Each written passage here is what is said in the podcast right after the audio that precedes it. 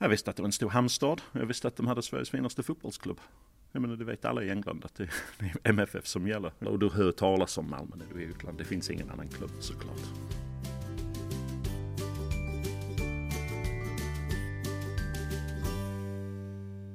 Han har satt färg på Malmö, charmat svenska folket i tv-rutan. Han har gröna fingrar men ett stort himmelsblått hjärta. John Taylor, varmt välkommen till Då sjunger hjärtat. Hej och tack så mycket för att jag får vara här.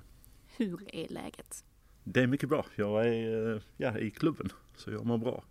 Efter ett par soliga dagar så kom ju värsta monsunregnet igår. Var du en av dem som jublade över väderleken? Uh, jo, det gör jag alltid när det är regnigt. Som trädgårdsmästare så vill jag att det regnar. Så visar jag alltid att det finns chans på regn, inte att det finns risk för regn. Sen man, man vill inte att det regnar på en kalas eller midsommar såklart. Men jo, det är bra med regn. Jo, men jag undrar ju för som du själv säger, är du trädgårdsmästare? Får du dessutom fortfarande kalla dig slottsträdgårdsmästare, eller? Nej, jag, jag, jag är inte, jag är inte slottsträdgårdsmästare längre. Jag, jag har slutat som slottsträdgårdsmästare. Och nu är jag bara vanlig företagande trädgårdsmästare och äppelodlare dessutom. Så yes, jag har varit slottsträdgårdsmästare i Malmö i 20 år, men det slutade jag med ja, för ett tag sedan. Vad innebär det att vara yrkesverksam trädgårdsmästare? Um, att, jag jobbar med, att jag jobbar med mina växter. Trädgårdsmästare det är ett livslångt arbete med jord och växt och frukt och grönsaker och alla möjliga sorts uh, plantor. Och det, det, är en trevlig sysselsättning. Jag håller mig någorlunda frisk också. Hur kom det sig att du drogs till rabatten? Eh, med trädgård. Jag, jag, var ute mycket som barn och sprang mycket och spelade fotboll och alla möjliga andra eh, idrott, sport hela mitt liv. Eh, man skulle alltid vara med och delta i, i sporten istället för att gå och titta på det. Ja, det fick jag från farsan och morsan också. Um, så jag trivdes utomhus och jag ville jobba utomhus upptäckte jag lite senare i livet. I Sverige är vi ju glada i engelska trädgårdar och eftersom du är engelsman, eftersom du är trädgårdsmästare så måste jag ju fråga, vad är typiskt för en engelsk trädgård?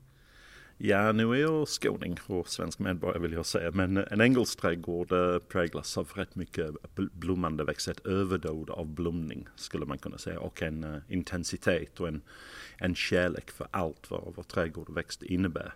Men det är ju inte så långt ifrån våra trädgårdar här hemma i Malmö. Det är ju, våra kulturer är inte så långt skilda, vi och engelsmännen. Vi är ju trots allt nordeuropeer allihopa. Coronaviruset har ju påverkat hela samhället och jag läste att du skulle varit ledare för Sofieros slotts trädgårdsfest i Helsingborg i somras som tyvärr fick ställas in på grund av restriktionerna? Ja, det stämmer. Jag, jag har konstnärlig ansvar för, för utställningsträdgårdarna. Det vill säga jag samlar ihop ja, tio olika företag eller trädgårdsdesigners som gör jättefina utställningsträdgårdar. Och det coola jobbet att jobba i Helsingborg såklart för att eh, ja, jag har min MFF-mugg där i skåpet. Jag går oftast dit med en MFF-tröja på Sofiero och alla är HIF. Men vi är vänner allihopa. Eh, Helsingborg är en mycket, mycket vacker stad. Eh, jag har alltid haft mycket samarbete med trädgårdsnäringen där uppe. Så det är ett kul jobb. Eh, jag ska dit nu faktiskt nu på eftermiddagen och ha möte. Hur har din verksamhet påverkats av coronaviruset? Ja, vi håller med avstånd. Vi är ju sunda och förnuftiga människor, eh, tycker jag. Ehm, eh, och det innebär att vi har fått ställa in och det är synd. Men vi kommer hitta på andra saker istället och man har agerat ganska snabbt och bra där tycker jag. Så det kommer bli ju, um, inte arrangemang för att det får vi inte lov att kalla dem, men vi kommer ändå ha bra trädgårdsinnehåll så vill man besöka en vacker trädgård då ska man definitivt besöka Helsingborg eh, i augusti och september till och med året runt. Det är ju en av Sveriges vackraste trädgårdar. Förutom att du förgyller våra skånska städer med fina blomsterarrangemang så är du också ciderambassadör i Sverige. Berätta. Ja, jag inte, ja, det är inte officiellt men jo, jag, jag har startat en två hektar äppelodling med, med särskilda speciella cideräpple. Du kan göra cider med vilket äpple du vill men eh, just de här sorterna som jag har kört och hämtat från England till och med. Eh, de är särskilt bra för cider. De innehåller rätt mycket olika smaker och eh, tanniner till och med. Um, det innebär att jag jobbar stenhårt ute på landet. Att jag är mer eller mindre en, eh, en jag är fruktodlare nu. Jag, jag, jag går emellan mina rader. Jag har precis köpt en liten traktor som är himmelsblå dessutom. Mycket trevligt. Uh, och jag har långa dagar ute på, på, på, på, ett fält. Det är jätte, jättemysigt. Men det är hårt arbete. Det händer inte av sig själv. Vad skiljer svenska äpplen från engelska äpplen? Ingenting egentligen. Det är bara att eh, både England och Frankrike och Spanien och Tyskland har en jätte, jättelång utvecklad tradition av ciderproduktion. Och det innebär att de bestämmer egentligen vad riktig cider är. Så du kan göra jättegod cider från vanliga svenska äpplen. Jag får bara bekräfta att äpplen har inte nationalitet. Vi odlar samma äpplen i England och Frankrike och Tyskland. Ja. Men eh, så våra äpplen de är väldigt syrliga och söta. Och, och cideräpplen ibland är det lite mer åt matäppelhållet. De innehåller lite mer tanniner eller fenyler. Och det innebär att när du jäser ut sockret till alkohol, runt 6% att det blir ju lite mer smak kvar. Att det är lite mer arom, det är lite mer eh, längre smak i munnen med, med riktiga cideräpplen. Men man kan göra cider med vilka äpplen som helst. Jag är lite emot den här snobberi att det ska vara si och så. Men, men riktig cider ska man kanske ha riktiga cideräpplen till.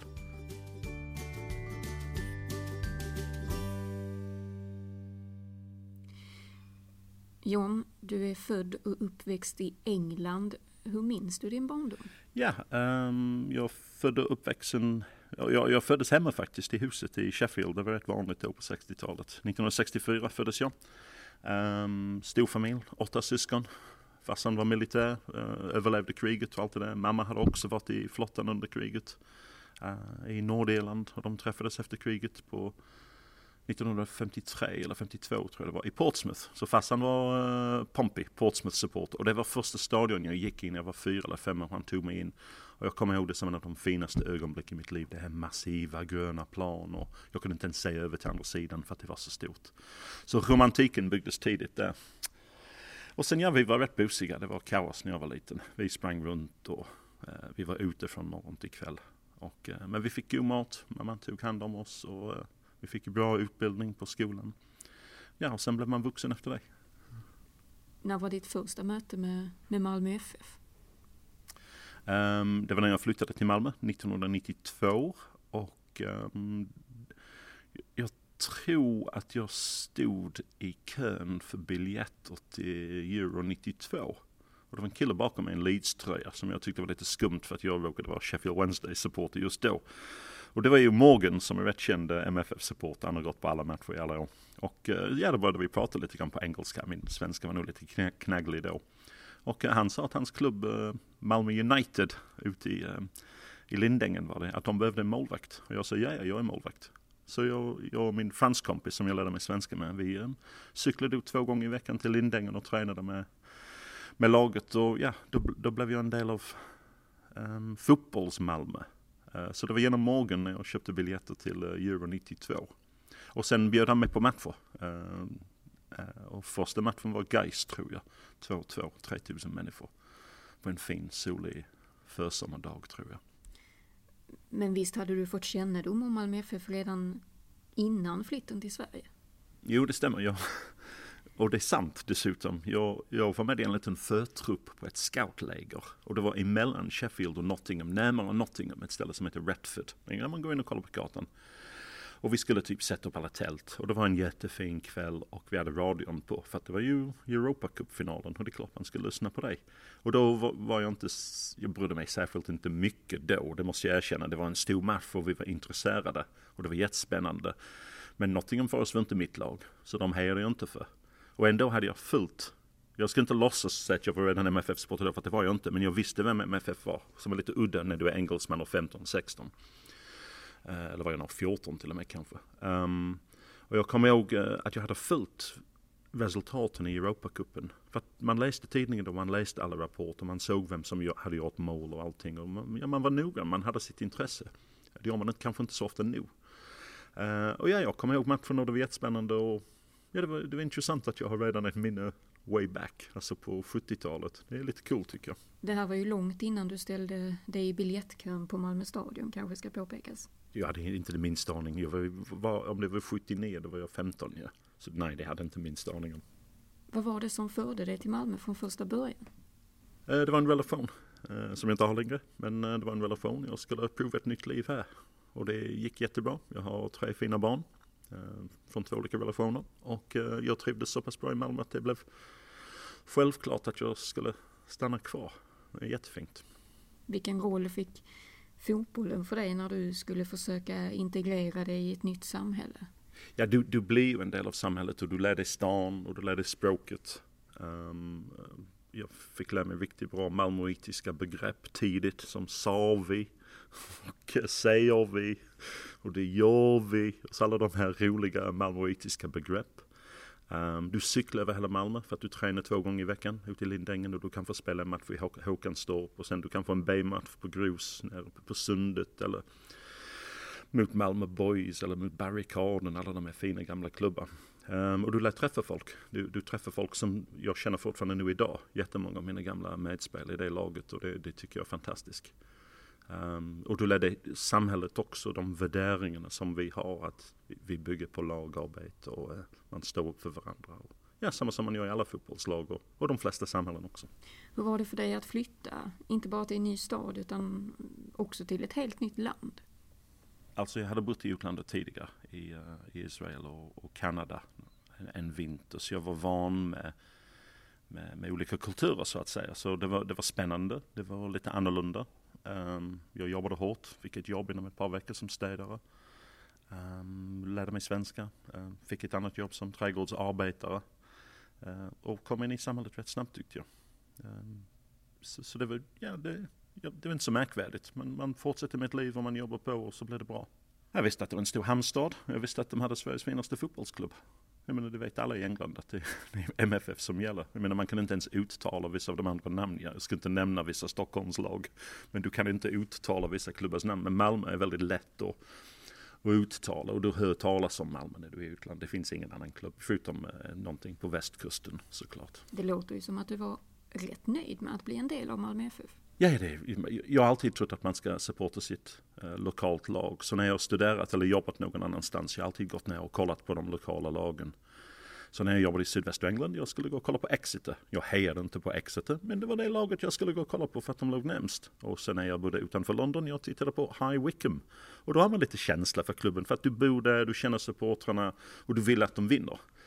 Eh, men du är inte riktig support om du inte bor där och har det som en del av ditt liv om du minns tillbaka till dina första stunder på Malmö stadion, var det stor skillnad jämfört med den supporterkultur du upplevt hemma i England? Um, ja, man kom in i det här naturlig rytm. Jag har alltid varit på ståplats när jag var liten i Sheffield också och varit en, en väldigt högljudd eh, support. Jag sjunger när det ska sjungas. Um, så jag kommer ihåg att man gick in i det här rytmen, att det, det var lite andra form av sjungande. Det var lite olika ramsor, lite olika stilar.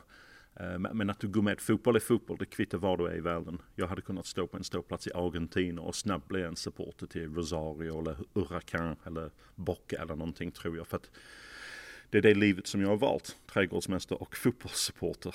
Och medmänniskor hoppas jag också. Men um, ja, det var lite annorlunda, det var, det var soligt. Jag, jag var inte van med sommarfotboll, jag, jag var van med vinterfotboll i regn och rusk. Så det, så det var lite annorlunda att gå på fotboll sommartid. Då tyckte jag man borde spela cricket då, ja. Men det gör jag inte nu. Vilken betydelse fick stunderna på MFF-läktaren för dig? Ja, det, det blir ju en, en, en, del av ditt liv för att du, du lär känna folk. Uh, Morgan som jag nämnde tidigare och Pontus som är en del av klubben också. Och um, någon som heter Torbjörn och någon som heter Lasse och någon som heter Marie eller vem det nu är. Och det, det blir ju dina vänner. Och du, du, går förbi dem en gång i veckan till match och du hälsar. Och det är samma nu på Norra Stå. Men när man går upp på ståplats då hälsar man på 20-30 olika människor och kolla läget och det är gamla arbetskamrater, det är grannar. Folk som man inte har sett kanske i tio år. Och det, det, det blir en del av, av livet på något sätt. Skulle du säga att fotbollen är en plattform för integration som kanske inte lyfts fram i samhällsdebatten? Det är ju en av de mest naturliga delarna. Det är ju arbetsplats där folk integreras så som människor alltid har gjort genom tusentals år. Att man träffar nya människor och man trivs med dem för det mesta. Eh, och på fotboll, det är, ju ett, det är ett lag, man har ett mål. Och det är ju att vinna, att krossa motståndaren helst med 4-0 alla matcher. Um, och ibland går det bra och ibland går det mindre bra. Men i alla fall så delar vi den här upplevelsen tillsammans med, med de höjdpunkterna och de, de stunder som det inte är så trevligt kanske. Men um, det är jättebra, jag menar jag står på ståplatsen med folk från Gotland eller med härkomst från Gotland och jag själv är från Sheffield och Stockholm och Bosnien och smålänningar och alla möjliga sorts människor och det tycker jag det representerar Malmö att vi det verkligen finns hela världen här i Malmö och det är någonting som vi kan vara rätt stolta över. Kan samhället lära sig någonting av hur fotbollen förenar människor? det hade man hoppats, men samhället har andra mörka krafter som inte vill lära sig av, av fotbolls positiva sidor. De ser oss bara som en stor pöbel som skriker och slåss. Och, det gör vi inte. Jag känner mig inte jag känner mig mest säker när jag står på en fotbollsplats. För att jag vet ju att det är jättemånga människor som är trevliga och fina och inte uh, gör en massa dumheter. Jo, det kan eh, bli lite vilt ibland och hetsigt men vi får lov att sjunga och skrika allt vad vi vill. Det kan ingen ta ifrån oss. Och det är vissa som har påstått att fotbollspubliken är den sista platsen där den stora mängden av människor är faktiskt ganska fria och, och kan vara lite okontrollerade um, och göra lite vilda saker. Och det är klart, det ska inte eh, bli illegalt eller någonting. Men vill vi 4000 människor stå och skrika och dansa och, och sjunga våra ramsor, det har jag svårt att tro att de kan ta ifrån oss politikerna. I samarbete med Malmö stad och Arbetsförmedlingen så driver Malmö FF Karriärakademin. De hjälper bland annat jobbsökande att hitta arbete. Vad tänker du kring det Malmö FF gör utanför fotbollsplanen? Ja, jag tycker det är fantastiskt. Um, att klubben tar ett ansvar utanför fotbollsplanen visar just att det finns ju med till det här i samhället än att vi bara sparkar en boll runt en plan. Och det är klart ju klubben representerar en stor del av samhället. Alla de människorna som är där ute och i den här byggnaden som representerar Malmö, Malmö FF, eh, de har familjer och barn och de förstår att fotboll är stor. Och vi älskar klubben men det är inte allting. Eh, att det finns ju ett samhälle utanför den fina gröna planen. Eh, där nere. Det är jätteviktigt och jag ty tycker det är beundransvärt att klubben tar det ansvaret. Tar det ansvaret. Och det är många andra klubbar som gör det också över landet och i världen. Och det, det visar att fotboll är mer än bara eh, ja, en boll på en plan och 22 tjejer eller killar. Uh, och så ja, 20 000 supporter på, uh, på läktaren. Det är mer än det där. Det är, vi står för någonting väldigt positivt här. Väldigt, väldigt positivt. Och det borde flera i samhället förstå sig på. Man, man har rätt mycket rätt mycket unga människor som inte kommer till tals i Malmö. Och Malmö är en väldigt ung stad. Uh, och det är viktigt att de unga människor ser att de har en chans, att det finns en plats för dem i samhället, att de kan få ett jobb. Uh, att de kan ha en sysselsättning, att de, att de ses som värdiga individer uh, på grund av att de är människor. Inte på grund av att de är vita eller svarta eller från det landet eller av det könet eller av det tro eller någonting annat. Att alla är vi människor. Och, och klubben står för en rätt så bra mångfald där tycker jag.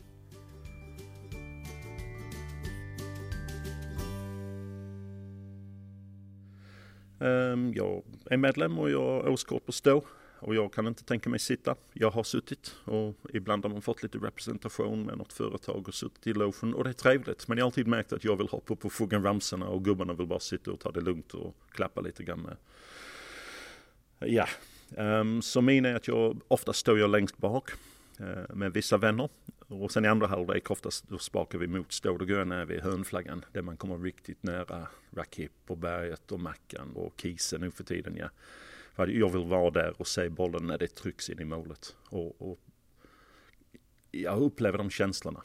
Ehm, det, det, det, är ingenting annat jag upplevt som är så stor känsla än eh, till exempel Mackans mål mot Kiev eller Rakips mål mot Östersund har vi pratat om nyligen, rätt många av oss. Alltså den eufori är svårt att förklara till någon annan som inte var där. Hur det var att krama okända människor, gråtande människor. Ja, det är fint. Inget, ingenting kan slå detta. Har ditt supporterskap på ett eller annat sätt utvecklats genom åren? Um, jag har kunnat gå på lite flera bortamatcher. Mina barn är, är, är äldre, vuxen till och med. Uh, så det blir ju några bortamatcher om året. Um, jag har lärt känna mycket, mycket flera människor uh, genom sociala medier och uh, ja, jag har fått ett större nätverk inom supporterkretsen så att jag känner lite fler människor. För att innan när jag kom hit, jag skulle kunna gå på matchen själv eftersom eh, den som jag hade min dåvarande fru var intresserad i fotboll. Då gick jag kanske med en kompis eller stod längst bak med gänget. Men jag kan lika bra gå på matchen själv. Jag behöver inte gå med någon annan. Men nu blir det så att man går oftast med, med ett gäng kompisar. Så jag hade nog sagt att det som är annorlunda att jag går dit med ett fler antal människor och vi är, vi är många som hälsar när vi går på matchen och sånt. Men innan har jag kunnat stå själv utan problem och bara uppleva det som en, som en individ. Tittar du fortfarande på Sheffield Wednesdays matcher eller är det bara MFF som gäller numera? Um, inte så ofta faktiskt, det måste jag erkänna. Jag kan gå på Youtube och kolla lite grann ibland. Men ja, Championship fotboll, det är inte så attraktivt. Men det är klart en bit av mitt hjärta är kvar där. Men jag vet inte, jag kan inte namnge så många spelare nu till exempel. Jag vet inte vem målvakten är. Um, och, ja, men om jag hade varit i Sheffield då kanske jag hade gått på match och, och blivit en Sheffield Wednesday-supporter för just den dagen. Men uh, man kan inte ha två älskare. Och jag kan inte förstå varför man ska heja på MFF och Liverpool eller Manchester United eller någonting. För mig, vad händer då när vi spelar mot dem? Vem hejar du på då? Vem är du supporter för då? Liverpool eller Malmö FF? Så för mig det, det är en kärlek som gäller. Du var målvakt sa du? Uh, när jag spelade ligafotboll i sexan, ja. Men i korpen var jag mittfältspelare. Lite grann som Zidane skulle man kunna säga. Fast samma som, som, uh, som, uh, ja, samma som, som alla andra. Om jag hade varit snabbare hade jag kunnat vara pro, ja. Men det var jag inte. jag var för långsam och jag var för klumpig och jag missade mina skott. Men jo, jag var en box-to-box -box, mittfältspelare på Korpen. Ett, ett fantastiskt att spela Korpen i Malmö ner på ribban. Eh, I blåsten och med de dumma domarna som alla känner till vad de vad de gjorde och vad de heter. Eh, så fotboll för mig det var fantastiskt att ha spelat fotboll och andra idrott hela mitt liv. Att jämföra sig själv med Zinedine Zidane är väl lite lagom kaxigt eller? Jo, men alla vi vet som har spelat fotboll att vi har det i oss. Samtidigt vi vet, nej det har vi inte. Eh, det var någon som sa till mig idag, hade du velat träna med MFF? Så, ja, jag hade skadat mig inom 30 sekunder. Jag menar, jag är bara en gammal gubbe nu. Eh, så, nej, nej.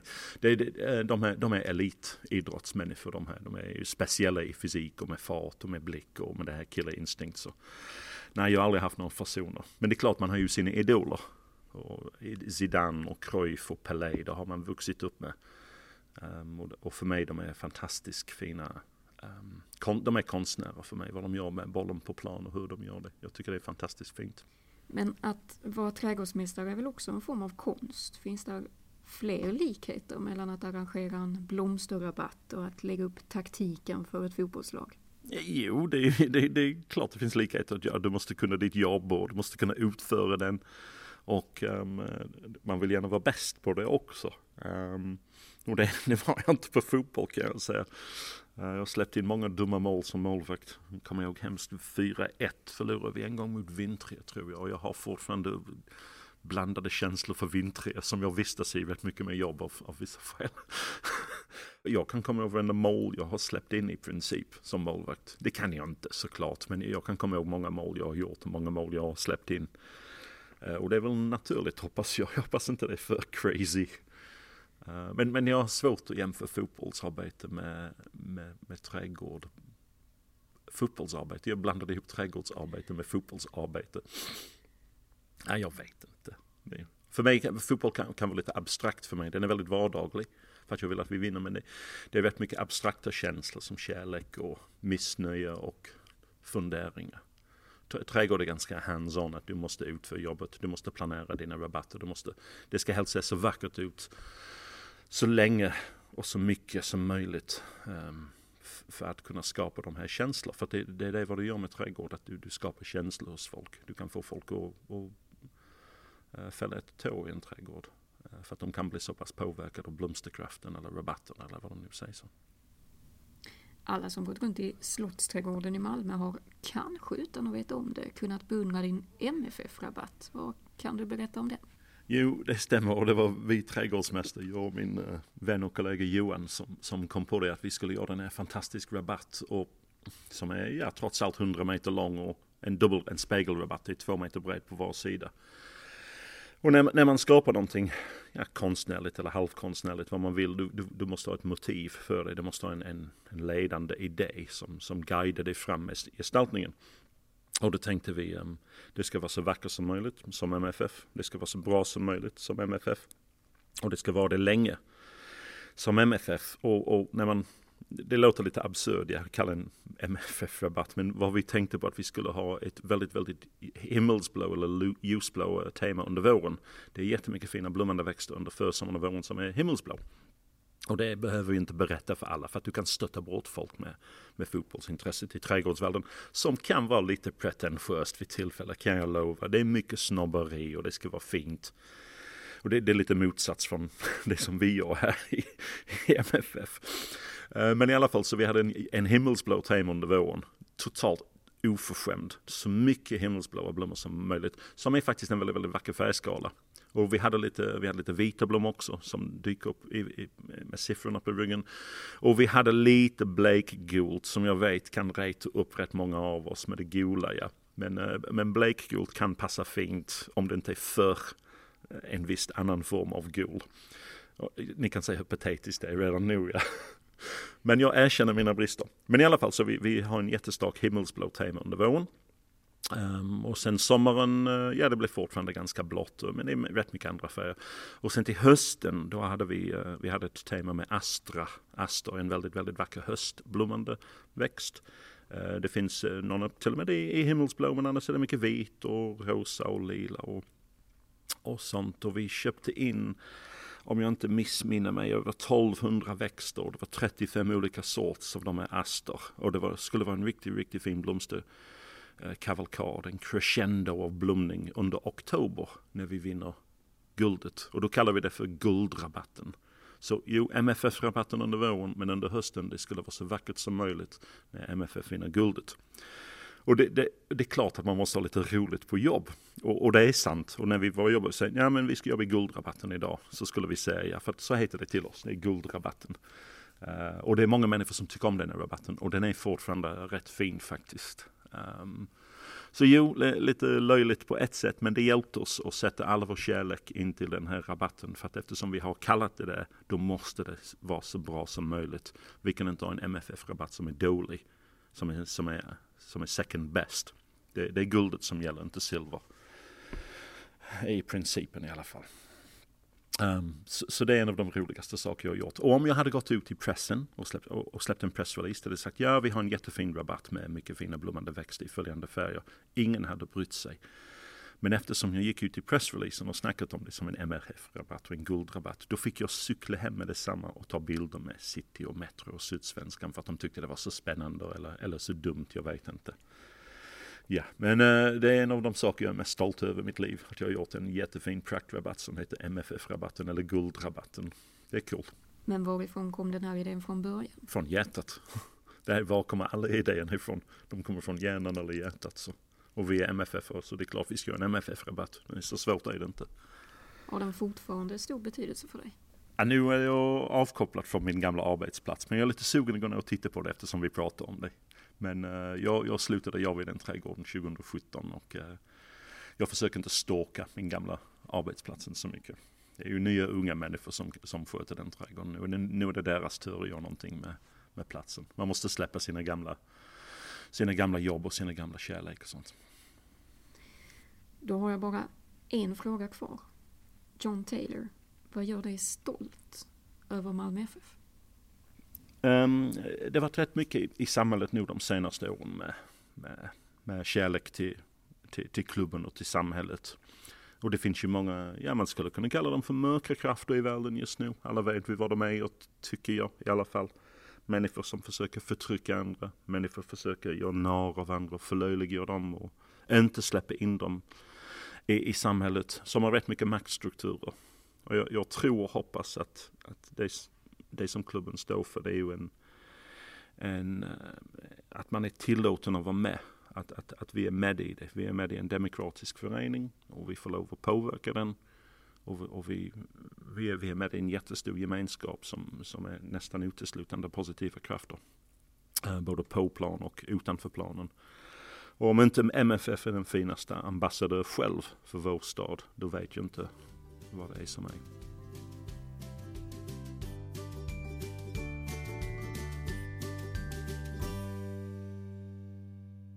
Du har lyssnat på Malmö FFs podcast Då sjunger hjärtat. I nästa avsnitt gästas vi av årets skåning. Äntligen väder. Nej, nu blev det för enkelt. Håll utkik på mff.se eller där poddar finns.